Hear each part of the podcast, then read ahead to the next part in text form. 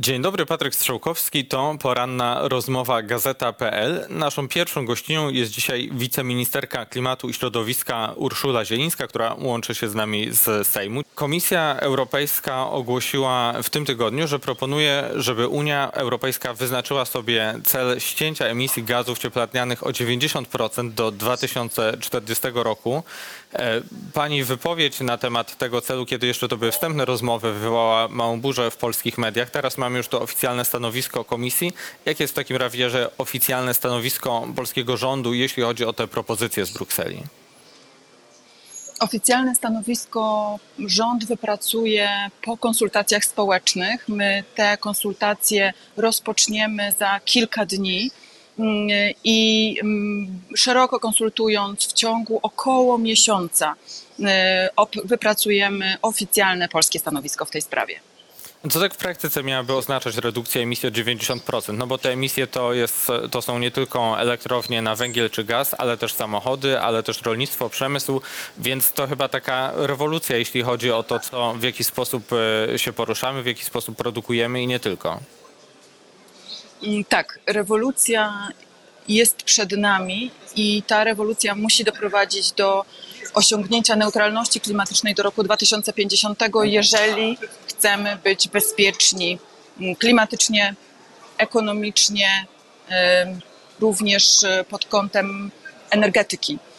I my ją musimy przeprowadzić. E, Do tego zobowiązaliśmy się jako cała Unia Europejska, w tym Polska, już w poprzednich latach. em, Zobowiązał, brał w tym udział również poprzedni rząd, więc e, tak naprawdę to, co teraz Komisja Europejska próbuje zrobić, to wyznaczyć ścieżkę dotarcia do tego zero netto do, w- do 2050 roku pomiędzy mm, dwoma celami, które mamy już oficjalnie przyjęte. Do 2030 to jest obniżenie emisji o 55%, do 2050 zero netto, czyli do tego roku będziemy musieli pochłaniać co najmniej tyle emisji, ile mm, produkujemy, a to wszystko po to, żeby nie przekroczyć tej niebezpiecznej granicy ocieplenia atmosfery o 1,5%, mm, przed którą ostrzegają naukowcy od e, kilku lat. E, Ostrzega przed tym międzyrządowy panel do spraw zmian klimatu. Mm, Po, tej grani- po przekroczeniu tej granicy nawet nauka nie jest w stanie przewidzieć wszelkich e, zawirowań pogodowych i tu niestety zła informacja z zeszłego roku, 2023 rok był pierwszym rokiem w historii pomiarów temperatury, kiedy przez cały rok trwania średnio przekroczyliśmy niestety te 1,5%. No to na pewno pokazuje pilność tych działań. Do tego, tak jak pani wspomniała, ten pierwszy cel, który sobie jako Unia Europejska wyznaczyliśmy, to jest rok 2030, czyli już tak naprawdę za kilka lat. Kiedy od rządu usłyszymy konkrety a propos przyspieszenia zielonej transformacji, co państwo obiecaliście między innymi w swojej umowie koalicyjnej? Usłyszycie Państwo te konkrety już bardzo niedługo. My y, bardzo intensywnie teraz pracujemy nad wszystkimi zaległymi strategiami niskoemisyjnymi dla Polski. Między innymi nad strategią krótkoterminową, tą na rok 2030. Tutaj y, do końca czerwca tego roku musimy przedstawić Komisji Europejskiej finalny plan dotarcia do tego celu obniżenia emisji o 55% i nad tym y, pracujemy. Druga No tym strategia, Polska której już, Polska nie. Z tym Polska jest już mocno spóźniona, Tak. bo to już w ubiegłym roku był tak naprawdę termin na pokazanie tych planów, a czerwiec to jest już taki ostateczny termin dla tych krajów, które są już tak jak Polska spóźnione. Dokładnie tak jak, dokładnie tak, jak pan redaktor mówi, do czerwca zeszłego roku polski rząd poprzedni y, Prawa i Sprawiedliwości powinien był przekazać szkic tej y, strategii.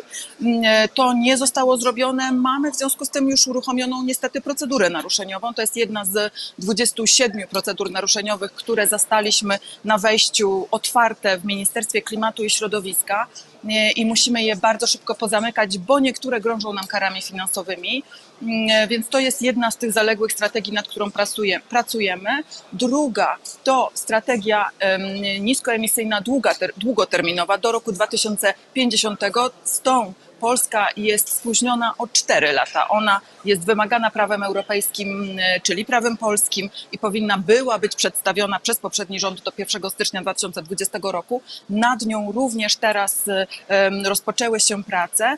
E, I trzecia, brakujący element tej układanki to jest polityka energetyczna Polski do roku 2040.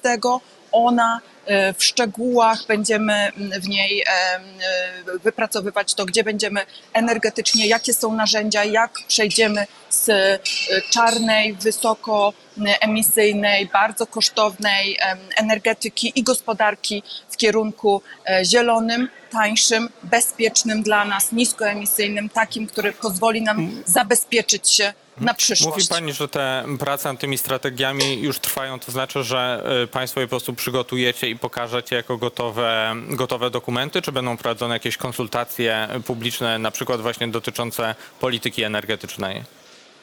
absolutnie będą prowadzone konsultacje. To nas e, musi odróżniać i będzie odróżniać od poprzedniego rządu, który te dokumenty przedstawiał w sposób, albo w ogóle nie przedstawiał, albo przedstawiał w sposób bardzo zaskakujący. Ja pamiętam polityka, e, Krajowy Plan na Rzecz Energii i Klimatu na 2030. On nagle pojawił się na koniec grudnia bez konsultacji publicznych. Dowiedzieliśmy się, że pan minister e, wtedy e, klimatu przesłał coś Komisji Europejskiej. My zupełnie inaczej. Ja już teraz zapraszam do śledzenia gdzieś w okolicach e, kwietnia, drugiej połowy kwietnia, maja będziemy konsultować ten Krajowy Plan e, na Rzecz Energii i Klimatu 2030, tę, aktualizację. Kolejne strategie będą, e, następo, będą konsultowane również, także bardzo serdecznie Państwa zapraszam do udziału, również do konsultacji w sprawie tego komunikatu Komisji Europejskiej sprzed dwóch dni dotyczącej propozycji obniżenia czy wyznaczenia sobie tego przejściowego celu między rokiem 2030 a 2050 na poziomie 90%. Em, Chcemy, żeby odbyła się prawdziwa debata publiczna. Tego nam bardzo brakowało w poprzednich latach.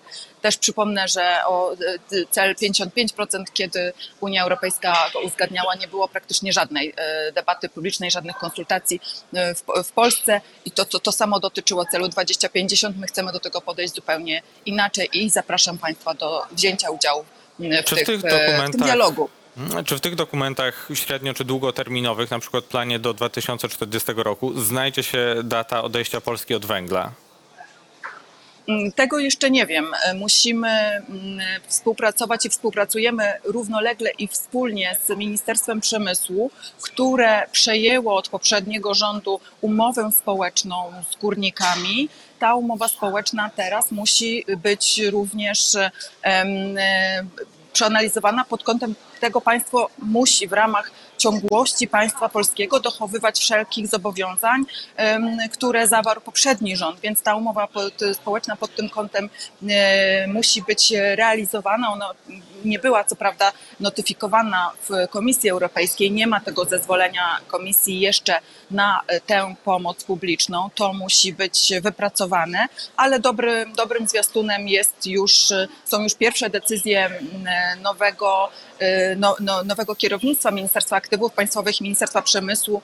Mm, e, Pani minister Czarnecka i pan minister Budka byli w mm, e, Brukseli e, i udało im się uruchomić już mm, pomoc, pieniądze ponad miliard e, 300 milionów złotych na pomoc osłonową dla górników węgla brunatnego. To te pieniądze już popłyną. Też udało nam się uruchomić w grudniu pierwszą transzę wreszcie z tych e, pieniędzy z Krajowego Planu Odbudowy. To jest ponad 21 miliardów, czyli pieniądze na transformację wreszcie ruszają.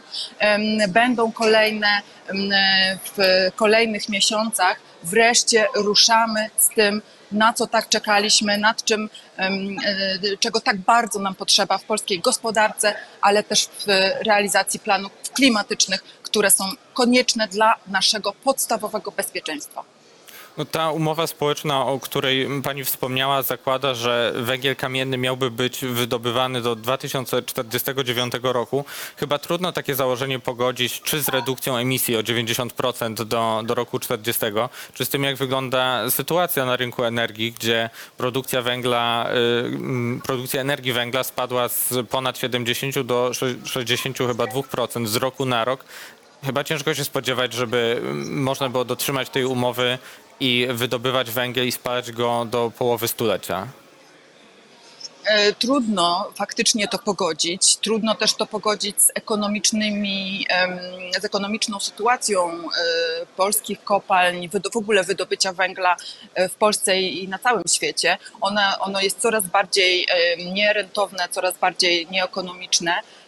Natomiast my negocjując z Komisją Europejską odnośnie tego, chociażby tego celu przejściowego 2040, będziemy podnosić, już podnosimy no, nasz poziom wyjścia do osiągnięcia tego celu. Nasze istniejące e, umowy i to, to, co jest absolutnym priorytetem. My musimy tak przygotowywać e, te wszystkie strategie i kolejne cele mm, klimatyczne czy miks energetyczny, żeby społeczeństwo było z tym, mm, czuło się z tym komfortowo, było, rozumiało potrzebę, rozumiało z czego to wynika i było w tym procesie z nami, bo bez akceptacji społecznej nie przeprowadzimy transformacji i po prostu nie zakończy się to dobrze. Więc to jest absolutny warunek podstawowy dla przeprowadzenia transformacji i nad tym musimy pracować i musimy to robić tak, żeby wszyscy się czuli, mm, e, nie chcę powiedzieć,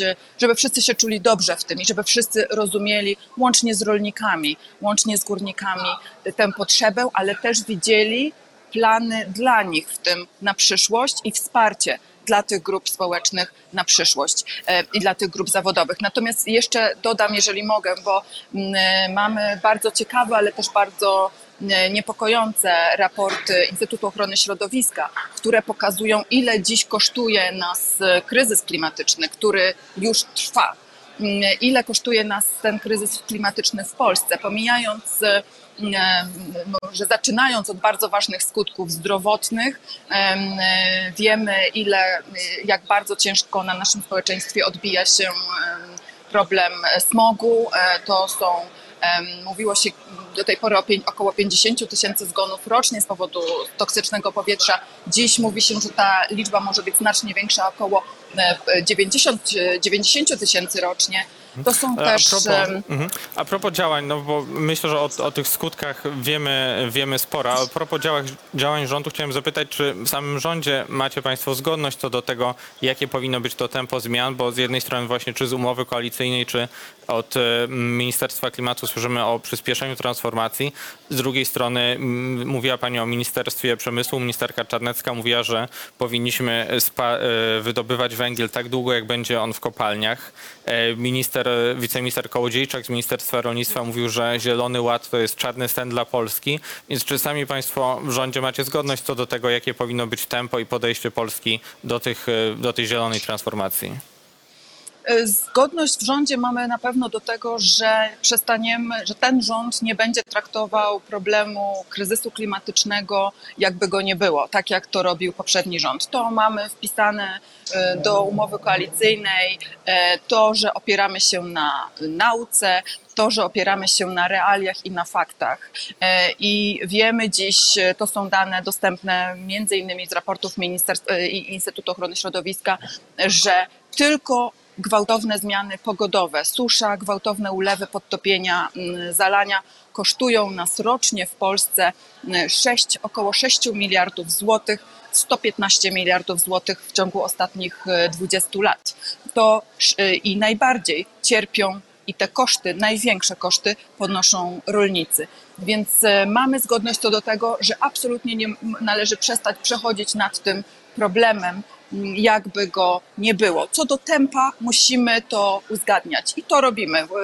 Zawiązujemy zespół roboczy mm, właśnie nad, e, przy pracy nad strategią e, polityką energetyczną Polski 2040, czy tymi krajowymi planami na rzecz energii i klimatu, razem z, ministro, z minister Czarnecką i z, z pozostałymi zespołami pozostałych ministerstw, od Ministerstwa Klimatu i Środowiska przez Przemysł po Ministerstwo Aktywów Państwowych i Ministerstwo Rozwoju i Technologii będziemy współpracować w zespołach roboczych nad e, rozwojem tych strategii, także będziemy pracować na wspólnych założeniach. Nie będzie żadnych rozjazdów, tak jak e, z, za poprzedniego rządu e, ten e, strategia energetyczna kompletnie nie miała, nie, nie, nie wiązała się w żaden sposób, nie przenikała z Krajowym Planem na rzecz Energii i Klimatu. Jeden został wysłany do Komisji Europejskiej, drugi został przedstawiony tutaj w kraju i one się kompletnie e, rozmijały, jeżeli chodzi o, o założenia. Mm, My będziemy pracować nad tym wspólnie. mhm. Ostatnie pytanie, pani ministerko, a propos jeszcze Unii Europejskiej. Za państwa poprzedników y, ministerka Anna Moskwa złożyła do Unijnego Trybunału Sprawiedliwości szereg skarg na różne elementy polityki klimatycznej, elementy pakietu Fit for 55. Y, Te skargi są teraz swoim normalnym trybem procedowane, ale nowy rząd ma możliwość je wycofać. E, Czy zastanawialiście się Państwo, co z tym zrobić? Czy jest jakaś decyzja a propos tego, czy utrzymywać te skargi, czy e, być może wycofać e, to, co złożyli Państwa poprzednicy? Jesteśmy w trakcie analizowania tych skarg. Nie ma decyzji co, co do tego, czy y, o, o wycofaniu. Natomiast z tych wstępnych analiz prawnych wynika, że one są niezwykle słabo mm, e, uzasadnione, jeżeli chodzi o podstawy prawne. Więc na, na dzień dzisiejszy opinia prawników z Ministerstwa Klimatu i Środowiska jest taka, że prawdopodobieństwo ich odrzucenia jest e, bardzo, bardzo wysokie ale decyzja na ten temat nie została jeszcze podjęta i one są w trakcie analizy. Bardzo dziękuję. Urszula Zielińska z Partii Zielonych, wiceministerka klimatu i środowiska, była naszą pierwszą gościnią w porannej rozmowie. Bardzo dziękuję. Dziękuję bardzo. Miłego piątku życzę. E, Dobrego dnia e, w Sejmie, a my zostajemy w studiu. Jest z nami Marek Józefiak, rzecznik Greenpeace Polska. Dzień dobry. Dzień dobry. E, Polski rząd, no tak jak słyszeliśmy, obiecuje pokazać konkrety, jeśli chodzi o transformację energetyczną. My no, na razie czekamy na spełnienie tych, tych obietnic, tych zapowiedzi. A gdzie jesteśmy teraz, jeśli chodzi o, y, o polską energetykę, o polski węgiel, teraz na początku 2024 roku, parę lat przed tym, jak mamy ściąć nasze emisje o ponad połowę w Unii Europejskiej? E, Polska energetyka jest w takim stanie dość e, paradoksalnym. Znaczy, mimo tych wszystkich kłód, które rząd Prawa i Sprawiedliwości rzucał zielonej energii, zielonej energii e, rok 2023 był rekordowy, jeśli chodzi o produkcję z odnawialnych źródeł. Czyli PiS nie był wcale taki zły, jeśli chodzi o transformację energetyczną. znaczy, nie dało się zawrócić kijem Wisły. Znaczy, trendy energetyczne zmierzają w tym kierunku, że po prostu fotowoltaika jest zdecydowanie tańsza niż alternatywy, więc to głównie siłami prywatnych, prywatnego przemysłu, e, prywatnych przedsiębiorców i po prostu zwykłych obywateli e, stał się, no stała się taka mała rewolucja energetyczna e, w ostatnich latach. Wiatraki zostały przyblokowane na kilka lat, ich rozwój. To jest no, wielka strata, chyba jeden z największych błędów w, w polityce energetycznej Prawa i Sprawiedliwości. Natomiast tak czy inaczej 27% prądu w ubiegłym roku mieliśmy ze źródeł odnawialnych. Węgiel, teraz to już nie jest 80% w miksie, nie 70%, a około 60%. E, Więc naprawdę zmiany e, posuwają się dynamicznie. One zaskoczyły, można powiedzieć, wszystkich. No przede wszystkim rząd, bo dosłownie trzy lata temu rząd e, przyjmował politykę energetyczną PEP 2040, polityka energetyczna Polski do 2040 roku. Tam zapisano, że w 2040 roku będziemy mieć maksymalnie 16 gigawatów mocy w fotowoltaice. My już mamy 16, ponad 16 gigawatów w fotowoltaice. Minęły tylko 3 lata, więc to pokazuje z jednej strony, e, e, jak szybko się ta technologia rozwija, a z drugiej strony, no jak jak zabetonowane jest to myślenie, w, e, jakie było zabetonowane e, to myślenie w, e, w, w rządzie. E, Natomiast w górnictwie no, trwa bal na Titaniku, to znaczy e, sytuacja jest fatalna, mimo tak naprawdę bardzo dobrej koniunktury, która była jeszcze w 2022, w 2023 em, i naprawdę były bardzo dobre wyniki finansowe. Nic z tego nie poszło na e, restrukturyzację długu, e, w, na, na spłatę długu e, wobec PFR-u, wobec ZUS-u. Wzrosły koszty i tak naprawdę ta umowa społeczna, która którą sam e, premier Sasin podpisywał, ona nie jest realizowana. Nie była realizowana przez rząd PiS. To znaczy zarobki poszybo- poszybowały w górnictwie w górę, e, zatrudnienie również poszło w górę, wydobycie jest dużo mniejsze niż zakładano w tej umowie, więc tam się po prostu nic kupy nie trzyma. Natomiast e, minęła dobra koniunktura, przyszedł grudzień i okazało się, że górnictwo trzeba dokapitalizować kwotą 7 miliardów złotych, więc to jest po prostu bal na koszt podatników, bo my wszyscy, każda polska rodzina dopłaca miesięcznie 30 parę złotych do tego, żeby, e, żeby to górnictwo funkcjonowało w taki sposób, jak funkcjonuje. E, Więc e, tak, no, górnictwo jest naprawdę w fatalnym stanie i, i to będzie I to jest chyba naprawdę coś, duży... co, my, duży co może problem. być po ostatnich latach trudne do zrozumienia, bo mieliśmy y, skokowy wzrost cen węgla. To, to był ogromny problem też dla osób, które musiały po prostu go kupić, żeby się ogrzewać na zimę. Mówiło się o, o jakichś specjalnych podatkach od nadmiarowych zysków tych, y, tych spółek, a teraz się okazuje, że y, 7 miliardów z budżetu państwa było potrzebne, żeby, utrzy, żeby te przedsiębiorstwa górnicze utrzymały się na wodzie, a eksperci piszą, że za jakiś czas może to być już nie 7, a 10 miliardów rocznie. No tak, tutaj e, pff, będziemy, e, takie są skutki po prostu, e, można powiedzieć, kupowania sobie e, spokoju e, e, i tych, tych deali, które, które rząd PiSu robił ze, z związkowcami górniczymi. E, No ale tak mówię, to się wszystko dzieje na, na nasz koszt. E, My, my za to ostatecznie płacimy. Jakby widać, że politykom było łatwo dysponować nie swoimi e, pieniędzmi. Kto bogatemu zabroni. Natomiast sytuacja zaczyna się rzeczywiście robić bardzo trudna. Po prostu w, w, w umowie społecznej zapisano, że przeciętna, przeciętne wynagrodzenie w górnictwie powinno być teraz na poziomie, razem z dodatkami, z premiami, na poziomie 11 tysięcy złotych. Tymczasem w państwowym e, PGG jest ponad 17 tysięcy złotych. E, Więc e, no, w prywatnych kopalniach widzimy, że to są zdecydowanie, te wynagrodzenia są zdecydowanie mniejsze, więc to są nierynkowe po prostu wynagrodzenia i oczywiście tak średnio my dopłacamy do, do jednego miejsca pracy w PGG około 150 tysięcy złotych. Więc to, to obciąża ludzi, no wszystkich, to znaczy prawda, ludzi na, na pensji minimalnej, przez pielęgniarki, nauczycieli, mikroprzedsiębiorców. Wszyscy po prostu się do tego dorzucamy. Czy to jest sprawiedliwa transformacja?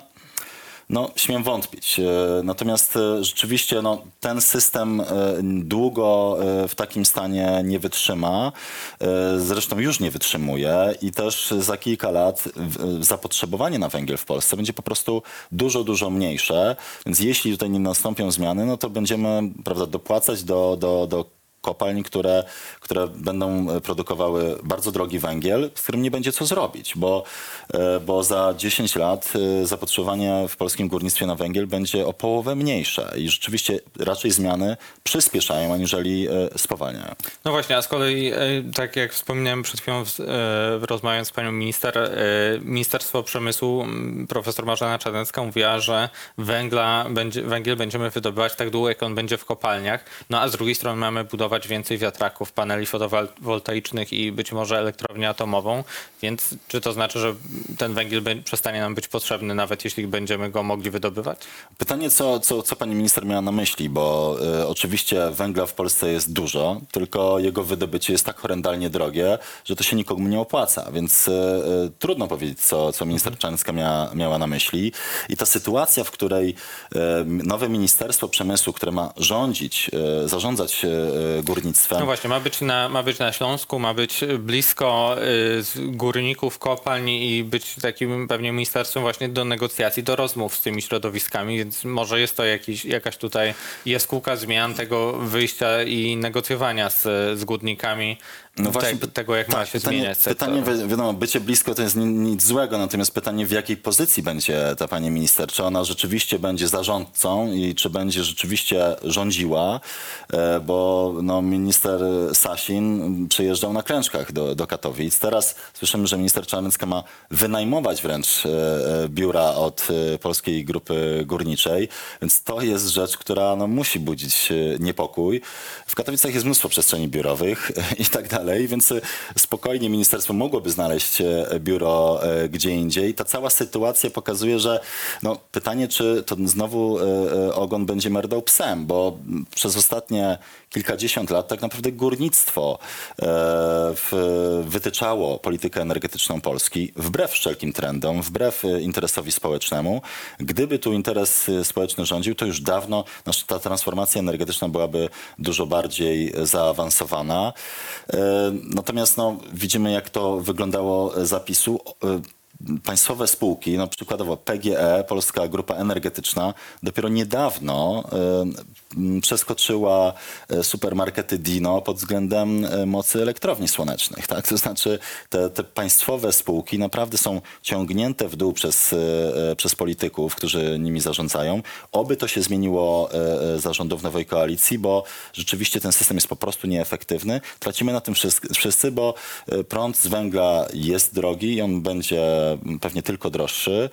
E, To było wiadomo od lat, e, natomiast e, politycy próbowali działać w myśl zasady jakoś to będzie, jakoś to będzie rządził naszą polityką energetyczną, to nie działa i, i działać nie będzie. Tutaj naprawdę potrzebujemy naprawdę ambitnej polityki, która wytyczy drogę wyjścia z węgla, bo taka chaotyczna transformacja no, nie jest dobra dla nikogo, bo przecież trzeba pokazać całym regionom górniczym jakąś alternatywę. Tak? To znaczy e, trzeba stworzyć tam miejsca pracy, trzeba e, zarządzać tą zmianą, a nie da się zarządzać zmianą, jeśli nie ma uczciwego podejścia. Tego uczciwego podejścia brakowało. To znaczy politycy naprawdę mydlili e, e, górnikom oczy, mydlili e, też e, całym regionom oczy. Teraz jest szansa na nowe otwarcie, bo są, jest nowa transza środków unijnych na sprawiedliwą transformację, natomiast my musimy mieć realistyczne plany. Teraz jesteśmy jednym tylko z trzech krajów, które nie przedstawiły krajowych planów energii e, dla, dla energii i klimatu. To są właśnie takie dokumenty e, pokazujące, t- jaki mamy pomysł na transformację energetyczną, więc ten y, KPI trzeba będzie y, no, na już y, przedstawić. Oby on był naprawdę realistyczny, oparty na, na, na trendach rynkowych i, i tylko wtedy będziemy rzeczywiście w stanie zacząć jakoś normalnie rozmawiać o, o transformacji, bo, bo w ostatnich latach to było po prostu e, no, no, zawieszone gdzieś w marzeniach, e, a nie, a nie i to oczywiście e, no, e, związkowców górniczych, a nie e, tak jak to e, powinno wyglądać, bo jeśli pytamy Polaków o to, gdzie, gdzie polska polityka energetyczna powinna e, zmierzać, no to e, naprawdę bylibyśmy już dużo dalej, w, jeśli chodzi o transformację energetyczną, niż, niż jesteśmy obecnie. Ale pewnie jest takie zagrożenie, że nowy rząd będzie kontynuował to, co robił poprzedni, czyli w Brukseli mówił, że chcemy y, transformować gospodarkę i szukamy na to środków, a w Katowicach czy innych miastach mówił górnikom, że mamy węgla na 200 lat i później to doprowadziło pewnie do tego, że ta polityka, ta rzeczywistość polityczna, polityczna i rzeczywistość rzeczywista się zaczęły rozjeżdżać, tak jak mówiłeś na przykład o tych planach e, budowy energii odnawialnej. Tak, w takim, w takim rozkroku naprawdę dużo już e, się nie da stać i, zresztą e, Komisja Europejska no, już przestaje się nabierać na, na, na takie e, ruchy. Przykład Turowa, gdzie prawda, PiS myślał, że może mieć ciastko i zjeść, zjeść ciastko, to znaczy, że może wydobywać węgiel do 2044 roku i jednocześnie pozyskać środki na, na, na sprawiedliwą transformację.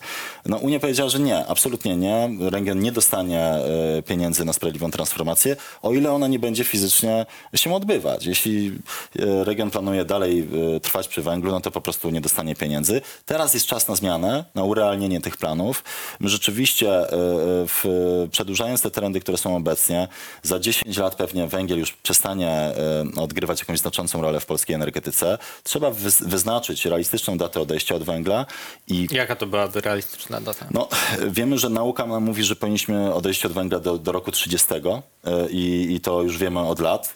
E, Wiadomo, to już było przed szczytem klimatycznym w Katowicach w 2018 roku. Pytanie, czy to jest nadal realistyczne?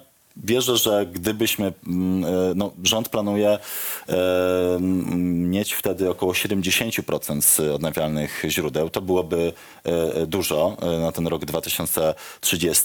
Natomiast przykłady innych krajów pokazują, że o ile się ustawi, wyznaczy tę datę, to naprawdę cała gospodarka zaczyna iść w tym kierunku. Bo, A czy odejście bo- od węgla do 2030 roku nie wiązałoby się z tym, że musielibyśmy go w dużej mierze zastąpić gazem? No bo siłą rzeczy, te, tak jak mówisz, nawet gdybyśmy mieli w super optymistycznym wariancie te 70% energii z źródeł odnawialnych, no to wciąż zostaje te 30, e, które trzeba by e, w jakiś sposób wyprodukować.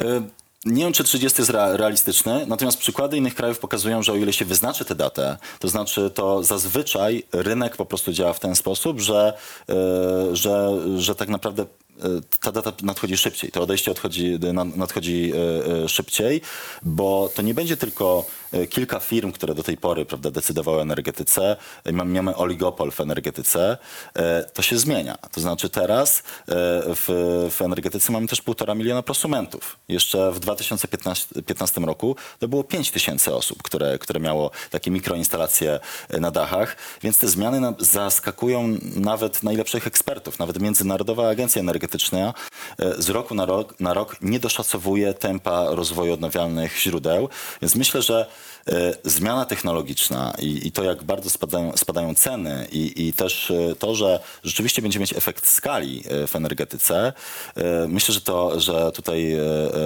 będziemy też zaskakiwani po prostu. E, Więc e, o ile tylko stworzy się stabilne, e, stabilne otoczenie regulacyjne, wyznaczy się, e, e, jasno się powie, że rzeczywiście tak, odchodzimy od węgla, nie będziemy trwać w tym, w tym rozkroku między, między węglem, e, między XIX wiekiem a XXI, to ta zmiana naprawdę e, przyspieszy i za kilka lat pewnie będziemy się e, dziwić, jak to, jak to dzisiaj sobie nie wyobrażaliśmy jeszcze tej zmiany. Natomiast kilka takich obszarów już pokazuje, jak to może przebiegać, o ile, o ile na przykład się obniży podatki. Mieliśmy obniżenie podatków za Prawie Sprawiedliwości w sprawie pomp ciepła i już jesteśmy jednym z liderów w Europie, jeśli chodzi o sprzedaż e, e, pomp ciepła i mówimy o setkach tysięcy pomp ciepła, które, które są sprzedawane w Polsce e, co roku. Kolejny przykład właśnie fotowoltaiki. Kilka lat temu 5 tysięcy osób, teraz już mamy e, półtora miliona, więc te zmiany naprawdę potrafią, e, potrafią zaskakiwać i wierzę, wierzę, że nie jedno zaskoczenie tutaj nas e, jeszcze czeka. Zobaczymy, będziemy wypatrywać tych zaskoczeń i też tego, co rząd w kolejnych mies- miesiącach powie, jeśli chodzi o jego prognozy. Tymczasem za dzisiejszą rozmowę bardzo dziękuję. Marek Józefiak z Greenpeace Polska był naszym gościem w porannej rozmowie Gazeta.pl. Na dzisiaj to wszystko, a na kolejną rozmowę zapraszam w poniedziałek. Patryk Strzałkowski, do zobaczenia.